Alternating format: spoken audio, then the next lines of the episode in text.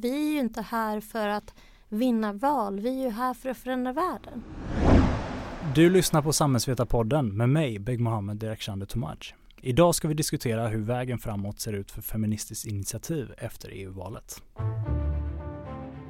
Bara för att vädret är galet så måste inte politiken vara det. Om vi får bestämma så kommer alla utvisas. Det här är ett styrkebesked för den svenska modellen. Blir det krig i Sverige så tror jag vi alla skulle vilja se en samlingsregering. You look at what's happening last night in Sweden.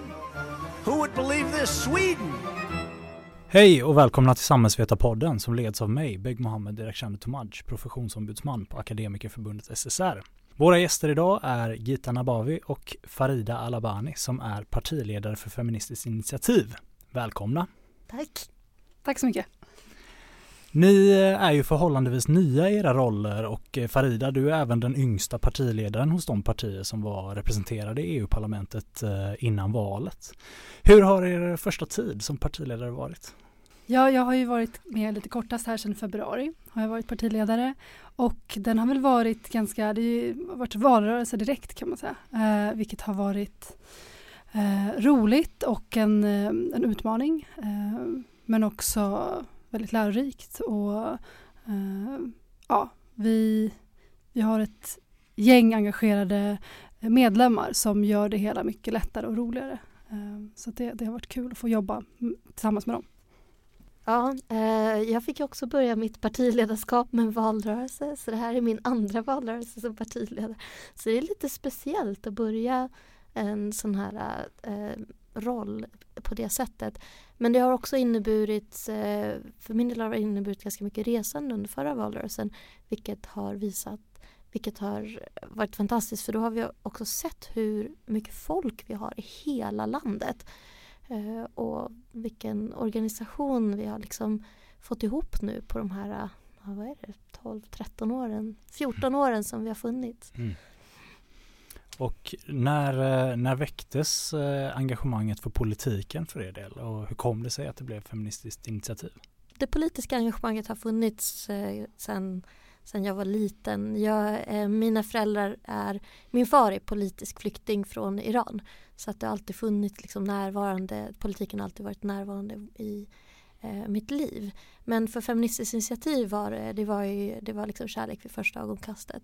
Det var första gången som jag såg en rörelse som talade om mina frågor på mitt sätt. Eh, som var liksom som gick rakt in i hjärtat. Eh, inget annat parti har tilltalat mig. Jag var mer engagerad i den utomparlamentariska rörelsen innan dess. Ja, det är inte så jätteannorlunda egentligen berättelse än vad det Gita beskriver. Dels så har jag också föräldrar som har varit engagerade, främst min pappa också, eh, där jag har mitt ursprung. Men eh, också alltså, sen ung ålder, från allt ifrån eh, elevråd sen till eh, det utomparlamentariska och Eh, det var väl pensionsfrågan som väckte min, eh, mitt intresse ännu mer för Fi. Även fast jag hade röstat innan så var det det som fick mig att stiga in och bli mer engagerad. För att det kändes som att det var det partiet som vågade tala om de viktiga reformerna eh, och förändringarna som vi verkligen behöver se. Istället för att eh, vänta så hade, eh, hade Fi och har Fi förslag för förändring nu. Mm. Eh, så det tilltalade mig och kändes som att Eh, det var realistisk politik. Många brukar prata om FI som det partiet som, som har eh, politik som inte är begriplig alltid eller att den är, liksom ligger långt borta. Men för mig var det precis tvärtom. Det var, liksom, det var det livet och är det livet jag lever. Och på så sätt så var det den, det såg min realitet. Bra, då har vi fått lära känna er lite. Eh, då går vi in på de hårda sakfrågorna, eller vad man säger. Eh, efter fem år nu i Europaparlamentet så har ni, där ni har haft ett mandat i Bryssel, eh, så kom ju väljarnas dom här i valet för snart två veckor sedan eh, och Fi åker ur EU-parlamentet. Varför blev det så egentligen? Jag kan börja lite så får du fylla på Farida. Dels, det finns ju både yttre och inre faktorer såklart. De yttre faktorerna är ju att vi ser ett mer högerextremt och konservativt politiskt samtal och det påverkar också eh, väljarnas, vad väljarna ser som möjliga och trovärdiga alternativ. Eh, vi ligger ju liksom helt på andra sidan den skalan och eh, vi har haft svårt att nå fram med vårt budskap i det politiska landskapet. Sen är det ju så att vi eh, behöver också ta eget ansvar och vi har behövt synliggöra all den eh, goda politik som vi har lyckats genomföra i EU-parlamentet. Eh, och där eh, så här i efterhand så kan man säga så här, där kanske vi skulle ha kunnat vara snäppet eh, bättre på att faktiskt komma ut med allt det som vi har lyckats med. Ja, nej, men det är precis det och jag tänker också att vi, har ju, vi gör ju precis som alla andra partier gör vi valanalyser och vi kommer, ja, det har redan startat igång det, det arbetet. Så att vi vill kanske inte gå allt för mycket i förväg och berätta om exakt hur det blev eh, så här. Äh, men eh, precis som Gita beskriver så handlar det om både vilket landskap vi lever i och också, jag, fick, jag får bara höra eh, ganska ofta folk som kommer fram och säger att jag tror verkligen på er politik men ni måste ändå närma er det som de andra pratar om för att, för att eh, vara ett alternativ för folk. Uh, och då känner, där känner jag ändå mig så här, ah, men vad kul att ni tycker att vi är så pass långt borta från dem, för det är precis det vi vill. Mm. Vi vill inte bli sedda som de som ger sig för den retoriken eller de som pratar om att, och det, då, då blir jag glad i alla fall över att folk inte kopplar oss med, uh, med uh, Eh, begränsningar för människor och att vi, att vi liksom står upp för att, att prata om mänskliga rättigheter. Så där, där blir jag ändå stolt. Och, och, det kan väl som sagt ha en konsekvens av det, men då får det vara så. Mm. Då får det vara den tiden vi lever i och, och då får det kosta. Eh, det mandatet tyvärr. Eh, men sen som sagt, det finns absolut in, interna faktorer, alltifrån kommunikation till, till politisk, hur man driver vissa frågor som vi nu tittar på. Vad var det vi gjorde här? Hur reagerar folk på det här? Mm. Uh, och där vi kommer vi kommer behöva både förstå eh, de som har röstat på oss och de som är medlemmar ännu mer. Eh, men också, det handlar inte heller om att forma sig efter landskapet utan förstå vart, vi, vart folk är eh, för att nå ut. Ja, och Gita, du var inne på det lite grann att det här med budskapet och att ni kanske inte riktigt fick ut det. Alltså inför EU-valet var ändå klimatfrågan rykande aktuell eh, och är väl det fortfarande skulle jag säga. Även till exempel abortfrågan hamnade mycket i fokus. Eh, och som jag uppfattar det, två områden som ni ändå lägger mycket tyngd på. Eh, mm. fick, ni, ni, fick ni ut ert budskap så som ni hade önskat? Ja, i båda de frågorna har vi ju varit glasklara måste jag faktiskt säga. När det gäller abortfrågan har vi ju varit väldigt tydliga från början till slut. Det har också varit ett av våra budskap på våra valaffischer. Vi hade extremt konkreta budskap på våra valaffischer. Även när det gäller miljöfrågan. Där var det ju tillväxtfrågan som var det som vi drev som enda parti. Eh, om, ja, i och för sig partiet eh, Vändpunkt också men eh, av de etablerade partierna med platser i EU-parlamentet. Eh, att vi ser att vi behöver komma ifrån den här tillväxthetsen som vi har och att vi också behöver överordna andra mål. Klimat, jämställdhets och jämlikhetsmål över, de till, eh, över tillväxtmålen. Eh, och att överhuvudtaget tala om tillväxtkritik idag i Sverige när man pratar, kopplar arbete och möjligheterna till arbete och förutsättningar till arbete väldigt mycket till tillväxt eh, så blir det en komplicerad fråga att hantera. Eh, det här handlar ju också om hur vi förhåller oss till vår konsumtion, hur vi förhåller oss till vår arbetstid. Eh, och de här frågorna har vi varit väldigt tydliga med från starten. Vi har ju haft en arbetstidsförkortning på vår politiska agenda från dag ett. Eh, och det är först nu på senare år som här, de här frågorna börjar eh, bli mer aktuella. Så att återigen så hamnar vi liksom i en position där vi, eh, där vi ligger lite mer i framkant om jag får säga det själv än de andra partierna. Man pratar inte om de här ban eh, i de här eh, banorna utan man förhåller sig lite till eh, hur saker och ting är just nu eh, och tar hellre ett steg bakåt än att tänka så här hur ser samhället ut om 20, 30, 40, 50 år? Mm. Och vilka förändringar behöver vi göra nu de närmaste fem åren för att överhuvudtaget komma dit? Eh, och där är ju våran, vårat konsumtionssamhälle ett väldigt stort hinder mm. för oss att uppnå det. Blev, blev det för komplicerat, det budskapet, för väljarna? Det är möjligt att det blev för komplicerat. Det är möjligt att det blev för, komplicerat. Vi har också varit tydliga när det gäller jordbrukspolitiken som vi kopplar både till landsbygds och glesbygdsfrågor och till eh, klimatomställning. Eh, och där är det också sådär, det handlar om att se helheter, det handlar om att se samband och sammanhang. Och det är ju någonting som har varit vår styrka. Men det är också det som gör det svårt att kommunicera ett enkelt budskap. För att du hela tiden visar hela bilden. Och konsekvenserna av enskilda handlingar i enskilda spår. Eh, vi ser ett val tycker jag som ger en ganska splittrad bild av Europa.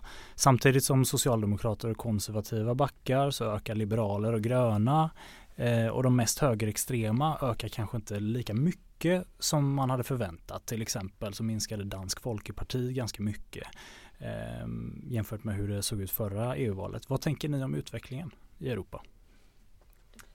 Ja, men jag skulle vilja säga att den är eh, det, är ändå, om det är någonting så är det ändå en högervridning vi ser. Vi ser liksom att det är, eh, även om det, när det är gröna partier eller eh, när det är de här um, vissa liberala krafter så är det ändå åt höger. Vi rör oss mot, mot eh, liberalism och man pratar om eh, alltså, eh, miljöskatter eller vad heter det, med så kvoter och sådana saker. Det är, liksom, det, det är inte en sån kritisk eh, miljöpolitik som kanske alltid presenteras. Eh, och det, det, eh, vi ser även det liksom i andra länder och även i, här hemma i Sverige, liksom de, de som driver sådana frågor. Eh, och jag skulle väl säga att det, man blir ändå glad över att de inte, vissa krafter inte gick li, lika mycket fram som det kanske förutspåddes.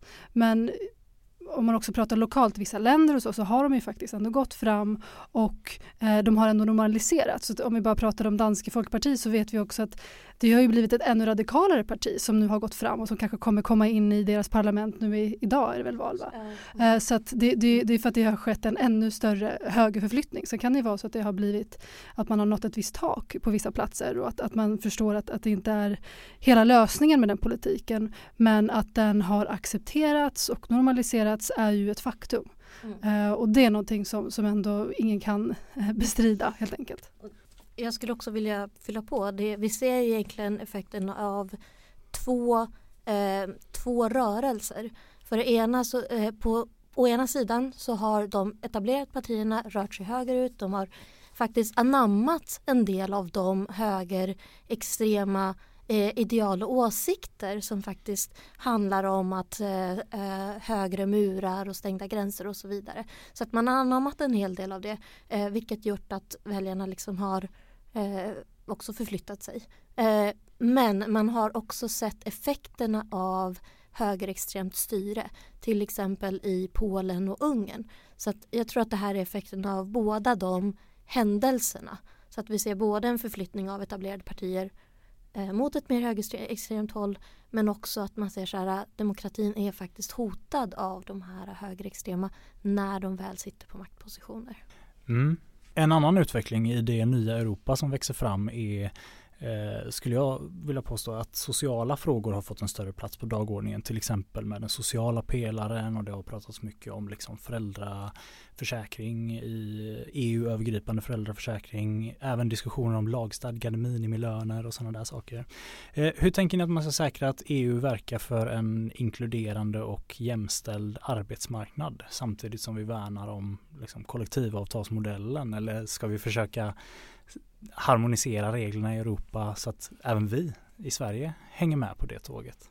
Jag tänker att det som är viktigt i det här sammanhanget är att se EU som en eh, stor spelare vilket gör att man har också stora muskler.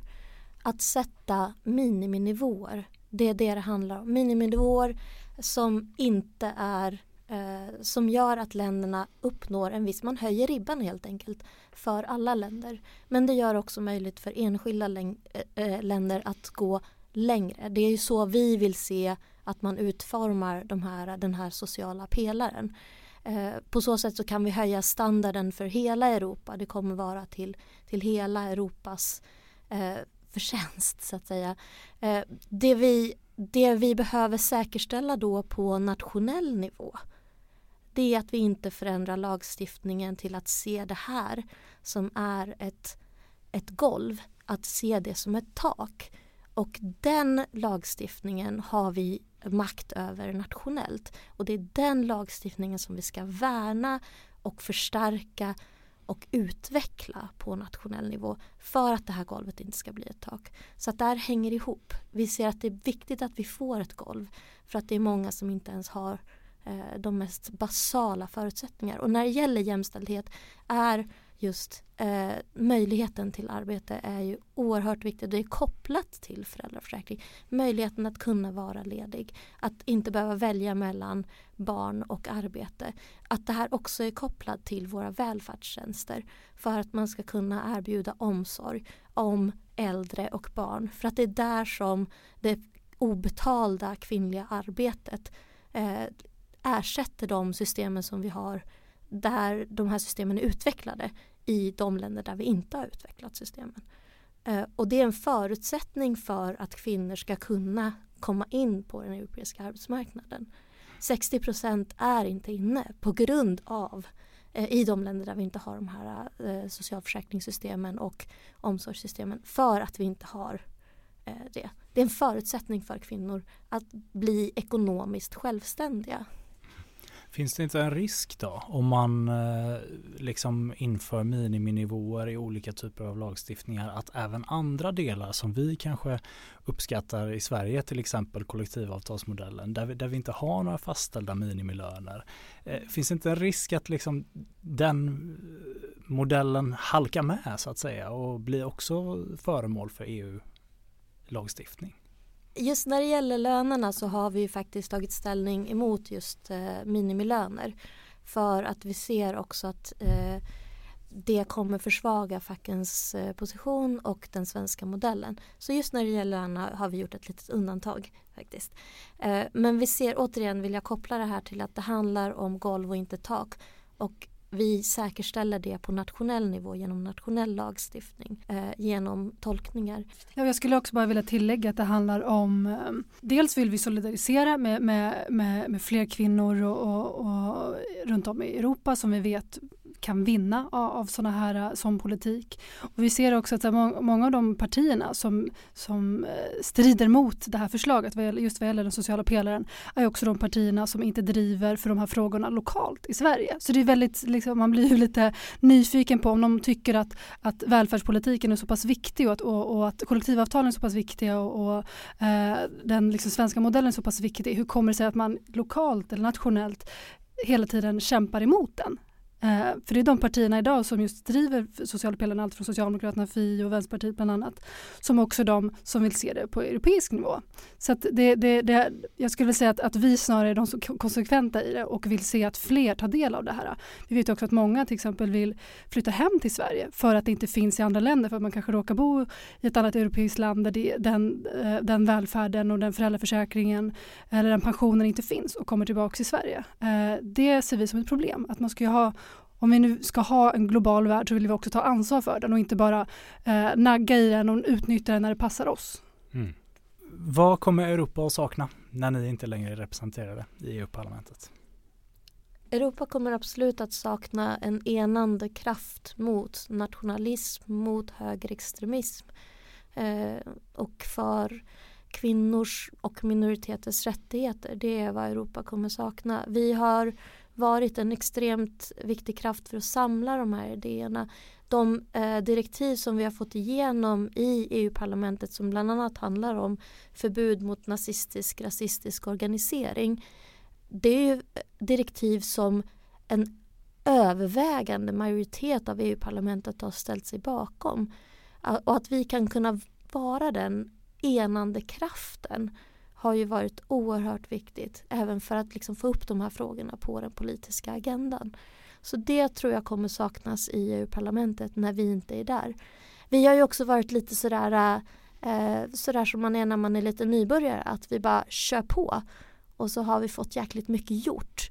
Eh, vi har inte liksom anpassat, anpassat oss så mycket till byråkratin och därmed också visat vad som faktiskt är möjligt att göra med Europa och med EU som bas. Och vad har ni dragit för lärdomar av de här fem åren? Vi har väl lärt oss mycket, både det Gita säger eh, utifrån att, att det går att göra sin egen grej. Man behöver inte anpassa sig till, till, eh, till spelreglerna hela tiden. Eh, och att, Eh, det går att få förtroende. Vi, vi, har till exempel under den här perioden också jobbat med eh, att bygga allianser eh, med fler eh, feministiska gräsrötter runt om i Europa och förstått att wow, det finns fler som vill det här och de behöver bara få det stödet som, som, eh, som kanske annars har saknats. Så det är vi väldigt stolta över, på tal om också vad vi, vad vi är glada över att vi har gjort. Att vi har varit med och drivit på eh, och, och stöttat den feministiska organiseringen och att vi också har eh, egentligen kanske inte lärt oss, vi visste om att det fanns men vi, vi förstod att, att det gick att få till så länge feminister var vid makten eh, eller hade ett mandat så, så, så går det att påverka. Eh, och att det förtroendet är väldigt viktigt, att vara i de maktens korridorer, det spelar roll för att man blir lyssnad på, vi blir eh, ja, men respekterade på ett helt annat sätt. Eh, så det, det är tyvärr nödvändigt i dagens eh, politiska landskap. Vi touchar lite på framtiden och jag tänkte att vi skulle börja röra oss eh, mot eh, de frågorna. Eh, många av era väljare är ju rörliga över partigränserna, framförallt kanske till partierna på den vänstra planhalvan av politiken. Och jag undrar så här, hur ska ni göra för att skapa större lojalitet bland era väljare? Är det, är det så enkelt som att ni behöver bli ett vinnande lag eller vad? Jag kan bara säga någonting kort. Ehm, det finns lite olika åsikter om det här. En del anser ju att, att, att, ha lojala väljare är också någonting farligt. Alltså att, att ha väljare som, ehm, som då styr allt för mycket utifrån eh, det eh, den, politik man vill driva, att man då blir kanske mer populistisk eller hänger efter. Eh, och och så. Men samtidigt så det är det klart att vi vill ha en, ett förtroende i den politiken vi driver hos fler personer och som känner att det här är en politik som bär och håller för lång tid. Uh, och det är väl en av de viktigaste frågorna vi nu tittar på. Hur kommer det sig att vi hade det här 2014 uh, eh, och inte samma kraft 2018 och 2019? Uh, eh, och där handlar väl allt ifrån att vi har varit med och påverkat en förflyttning till eh, att fler pratar om de feministiska frågorna vilket gör att, att där vi har varit med och påverkat det och alla kanske inte ger oss cred för det men så kan det vara. Eh, men att också fler förstår att, att vi har bäring i fler frågor än bara eh, det som vi kanske har eh, naturlig koppling till. Och sen tror jag också det här med vinnande lag. Alltså, vi är ju inte här för att vinna val, vi är ju här för att förändra världen. Det är ju det som är vår, vår målsättning. Och vi ser eh, att vi behöver organisera ett större motstånd nu. Vi behöver kavla upp ärmarna. Vi behöver se till att samla fler rörelser. För vi ser också att det sker väldigt mycket utomparlamentariskt just nu. Eh, och vi befinner oss precis som de här utomparlamentariska rörelserna i extrem opposition mot den politik och de tankar och de idéer som dominerar det politiska samtalet idag. Så det vi eh, gärna gör nu är ju att samla den här kraften och att tillsammans göra någonting som är större som inte bara handlar om att vinna val utan som handlar om att rädda klimatet, som handlar om att eh, skapa jämställdhet på riktigt. Någonstans, alltså i senaste ungdomsbarometern som jag eh, tog del av så ser vi att en av de starkaste identiteterna bland unga idag är feminist. Eh, klimatvän kommer också högt upp där på listan eh, och förmodligen ännu starkare idag skulle jag, skulle jag tro. Eh, samtidigt fick ni enligt eh, Valu, eh, SVTs vallokalsundersökning, eh, bara 2% av rösterna bland de yngsta väljarna, det vill säga 18 till 21 år. Eh, vad ser ni för framtid för era frågor i det politiska samtalet? Hur, hur, ska ni lyckas mobilisera de här personerna till er rörelse? Jag tror att det handlar väldigt mycket om trovärdighet. Att faktiskt eh, vara det som vi alltid har eh, varit, en gräsrotsrörelse. Att lyssna på gräsrötterna. För att jag kan också känna igen mig väldigt mycket i eh, unga människor idag eftersom jag själv började min politiska, mitt politiska engagemang utom parlamentariskt. Man tror inte riktigt på det politiker säger. För att det visar sig när det kommer till kritan så eh, är det inte så man handlar. Eh, och jag tror att det här förtroendet eh, det bygger ju också väldigt mycket på att vi har ju många av de som är medlemmar och engagerade i FI har ju rötter i andra organisationer. Och det är därifrån vi har vår tro, bygger vår trovärdighet. Det är så vi skapar vår politik. Det är så vi har byggt det här partiet. Um, och det är det här som vi behöver fortsätta att nå ut med och fortsätta rekrytera och fortsätta eh, samarbeta med de organisationer som står oss nära. Och nu är ni hos ett SACO-förbund och poddar. Jag tänkte prata lite om er eh, attraktionskraft bland de fackliga medlemmarna så att säga. Eh, analyserna efter det senaste riksdagsvalet visar att ni är populärare bland SACO och TCO-medlemmar. Eh, det vill säga akademiker och tjänstemän snarare än hos LO-förbundens arbetare. Eh, är ni ett parti för människor med högre utbildning, trygga arbeten och bra löner? Eh, vi, vi är ett parti för alla, vill jag säga. Men alltså det, det låter kanske långt att säga så, men vi vill ju ha trygghet för alla anställda, för alla som arbetar, oavsett om man har en eh, trygg inkomst eller lever prekärt. Eh, däremot så har vi absolut, vi, vi, vi är ju ett rättighetsparti och vi vill ju säkerställa att, eh, på tal om det här, att det här golvet som, som, när vi pratar om EU, så är det väl samma sak också för eh, den politiken vi, vi driver eh, för arbetare i Sverige. Att vi vill säkerställa att personer som har provanställningar, personer som har, jobbar deltid och sådana saker, att de får stärkta rättigheter och att, de, eh, att vi ska ha rätt till heltid, att vi ska ha eh, att just de kvinnodominerade yrkena inte ska ha en så låg lön som de har. Eh, där, det oftast är, där, där de kanske oftast är medlemmar i Kommunal eller sådana, sådana fackförbund. Ehm, så att, och det är väl, det är väl en, ett arbete för oss att kommunicera ut ännu tydligare. Det var ju en del av varför jag gick med, för att jag kände att det här är ett parti som just driver frågor för dem som, eh, som inte tillhör eh, de högavlönade yrkeskårerna. Men det, kanske, det är nog inte kanske någonting som alla har förstått eller sett och, Eh, och det är väl en kommunikationsfråga bland annat. Eh, och att vi behöver med de resurserna vi har som inte är så många eh, nå ut till att få fler att, att förstå att vi står på samma sida vad gäller det. Inför supervalåret 2014 så diskuterades feminismen överallt av allt och alla. Det var feminism utan socialism och det var liksom det, det, det var överallt. Eh, Fi hade jättegoda förutsättningar att få upp sina frågor på den politiska dagordningen. Det lyckades i EU-parlamentet när röstdeltagandet var lite lägre, men inte hela vägen till riksdagen. vilka förutsättningar krävs för att ni ska bli valda? Jag tror att eh, supervalåret var lite speciellt. Det var ju verkligen eh, det var ju en medvind som vi absolut inte själva rådde över. Eh, måste man faktiskt helt ärligt säga. Det var ju någonting som vi blev meddragna i som var helt fantastiskt. Eh, det som hände året därefter, 2015, var ju däremot ganska tragiskt och det var ju att den här feministiska färgen den flagnade ju direkt eh, i och med det som man beskrev som någon slags flyktingkris som aldrig var en kris för Sverige utan för de människor som flydde för sina liv. Eh, då, då gick man ifrån alla sina feministiska ideal och värderingar. Och det är liksom det här som jag tror att vi också behöver eh, påminna om. Att eh, feminism är inte bara en fluga, det är ingenting som du kan bara bekänna dig till och sen eh, inte leva upp till utan det förpliktigar. Och det är, det är det som också genomsyrar all vår politik. Eh, och det är också så man bygger trovärdighet i de frågorna som man driver. Man kan inte bara kalla sig feminist utan att också ha feministisk politik. Eh, och du, du är inne lite på det här med att feminismen inte blev lika viktig efter, eh, efter hösten 2015. Eh, finns det några fler anledningar till att frågan om jämställdhet tappat i betydelse för väljarna eh, i de två senaste valen trots metoo-rörelsen och allt som följde med den? Nej, men jag tänker också, alltså metoo brukar man ju också använda som någon slags eh, eh, beskrivning av så här, ja men där, där skulle ni ha lyckats lite bättre eh, och ta vara på det. Eh, men metoo handlade ju också väldigt mycket om att alla sa så här, ja men vi är för. Eh, för att sexuella trakasserier ska upphöra, vi är för och så vidare. Det var ingen som ställde sig och sa så här, nej vi är emot att eh, kvinnors kroppar ska vara fredade.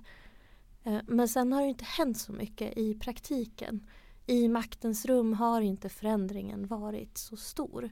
Och det ser vi också på de Metoo är ju inte över, det är ju långt ifrån över. Det är ju massa hashtags som nu fortsätter att arbeta också som eh, frågar vad hände med de reformer som man utlovade och så vidare. Skälet till att feminism har tappat i betydelse är ju också, vi ser en högervridning, vi ser en mer konservativ syn på eh, jämställdhet. Det är ju det som också har dominerat det politiska samtalet. Eh, vilket gör att feminismen har fått lite andra eh, man har börjat beskriva det på andra sätt.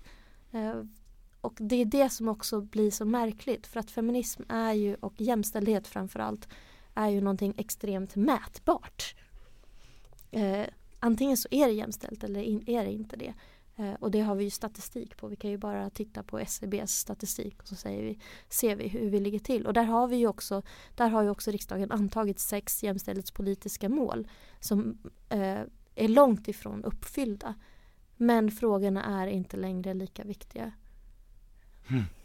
Och eh, om, om jag får äh, gräva lite grann i det här med eh, det partistrategiska som eh, du var inne på lite grann. Jag har också hört de här rösterna som varit besvikna på att ni inte tog mer utrymme under metoo-hösten 2017 och ägde frågan mer inom citationstecken. Eh, både rent ideologiskt men också strategiskt perspektiv. Vad tänker ni om den kritiken? Så helt ärligt så är jag lite trött på den. Mm. så, om jag ska vara frank. Men också att, att, att det, det säger ju också hur mycket, det erkänner väl våran position, våran politik ganska mycket. För man förväntar sig att vi är det första feministiska partiet som då ska göra någonting. Eh, och säger en del kanske om, om, den feministiska regeringen vi har eller feministiska politiken som, som de då ska driva. Eh, och vi, vi har väl av olika skäl, alltifrån att så här, vi kunde absolut ha gjort mer, det kan man alltid, men också så finns det en försiktighet och också det här att vi, vi var själva mitt i det. Eh, vi är ett parti som, där vi, det är, metoo är skälet eh, det kanske inte kallades för metoo innan vi kom in i det här, till att vi engagerar oss i den här politiken. Det, det, är extremt personligt och det är någonting som vi som sagt själva var med i. Allt ifrån i de rörelserna till att vi eh, fortsätter att arbeta i dem. En del personer har nu tagit en paus från Fi för att fortsätta och vara aktiva i de här nya metoo-hashtagsen. Eh, så det, det, säger en del om, om, att det här absolut är någonting som vi driver. Vi, vi sa väldigt fort och direkt att all, alla de här kraven ställer vi oss bakom. Eh, men vi vill ju inte heller ta över civilsamhället. Just också som, som Gita nämnde tidigare att vi kommer själva från civilsamhället. Många har fortfarande sina fötter eh, både i parti, partiet men också i civilsamhället. Och då är det också väldigt viktigt att vi har respekt för det och inte trampar över det och snor det. För det, det är också väldigt ofta man får höra att ja, men ni, eh, det här partiet har bara tagit vår politik eller vi har drivit det här i flera år och nu kommer de och säger, säger att det här är det, deras initiativ. Det är väldigt viktigt att, att ja, men ha respekt för det. Eh, men självklart kan man ju alltid göra mer. Eh, men jag skulle säga, vad var de andra partierna? Eh, och vart var är de nu? Mm. Eh, det, det, tycker jag är en större fråga att ställa sig. Mm, mm. Jag återgå lite kort bara till förutsättningarna för, för att bli vald också. Eh, alltså om vi tittar på förutsättningarna från ett konstitutionellt håll. Det finns ju en spärr. Mm. 4 för att bli vald till riksdagen. Eh, om vi tittar på andra länder så har till exempel Nederländerna inga spärrar överhuvudtaget utan där räcker det med att man får tillräckligt med röster för att få ett mandat. Eh, vad, vad, vilka, vad ser ni för fördelar och nackdelar med eh, om man ska förändra spärren till eh, de olika valen. Eh, hur skulle det påverka er? Liksom? Det har ju påverkat oss. Vi, det har ju påverkat oss i kommunalvalen. Eh, vi satt ju i 13 kommuner från och med eh, valet 2014 och i ett par av de kommunerna åkte vi ut på grund av att man faktiskt införde spärrar. Eh, så att det påverkar oss i allra högsta grad. Vi ser ju också att genom att sänka spärren så eh, höjer man, eller sänker man också ribban för möjligheten att förändra demokratin och att förnya demokratin och att också bidra, göra utrymme för fler demokratiska rörelser att få sin röst hörd i eh, de parlamentariska rummen. För det är också väldigt viktigt med representation. Det är väldigt viktigt att få sitta med vid förhandlingsbordet när besluten fattas. För det är en sak att genom en annan organisation eller genom ett annat parti driva sina frågor. Men vi utvecklas också med våra frågor över lång tid. Och då betyder det att våra kunskaper behövs i rummet där besluten fattas. För politik handlar också i väldigt stor utsträckning om kompromisser. Och är det så att du driver någon annans förslag så är det väldigt lätt att prioritera bort de frågorna när inte eh, de personerna är i rummet.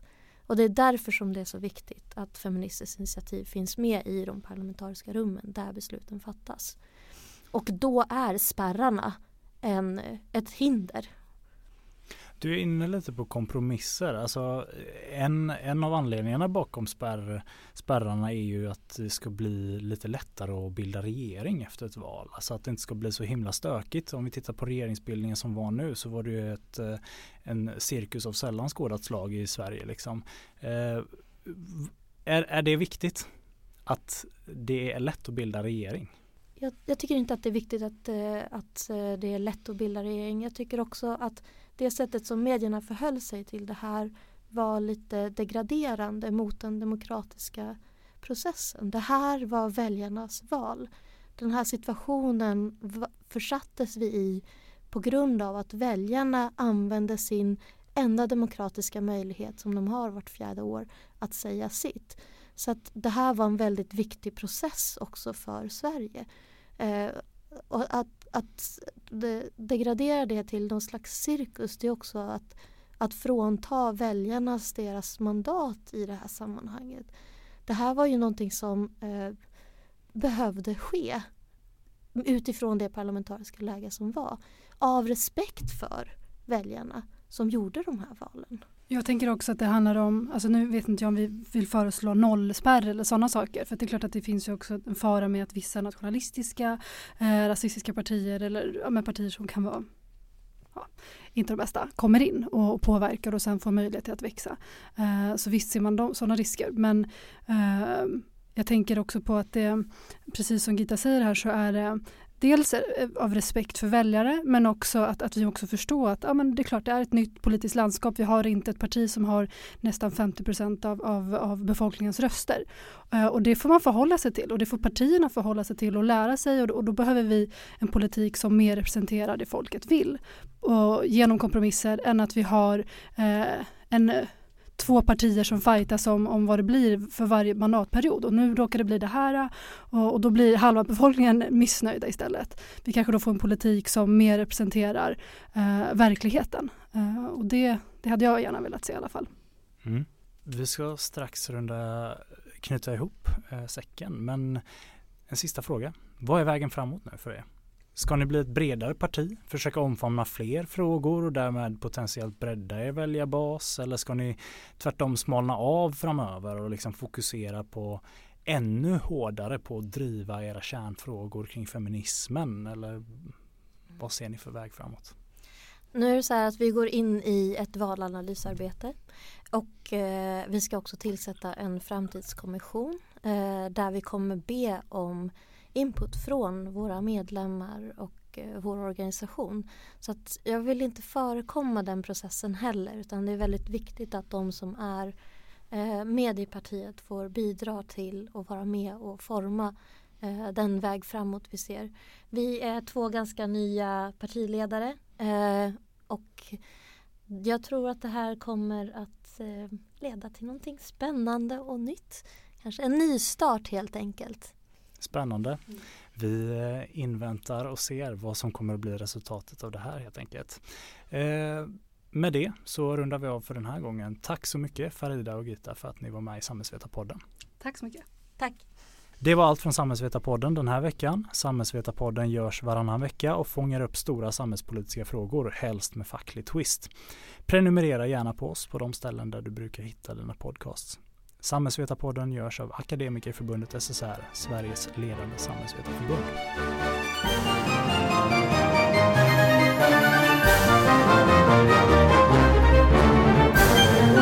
Thank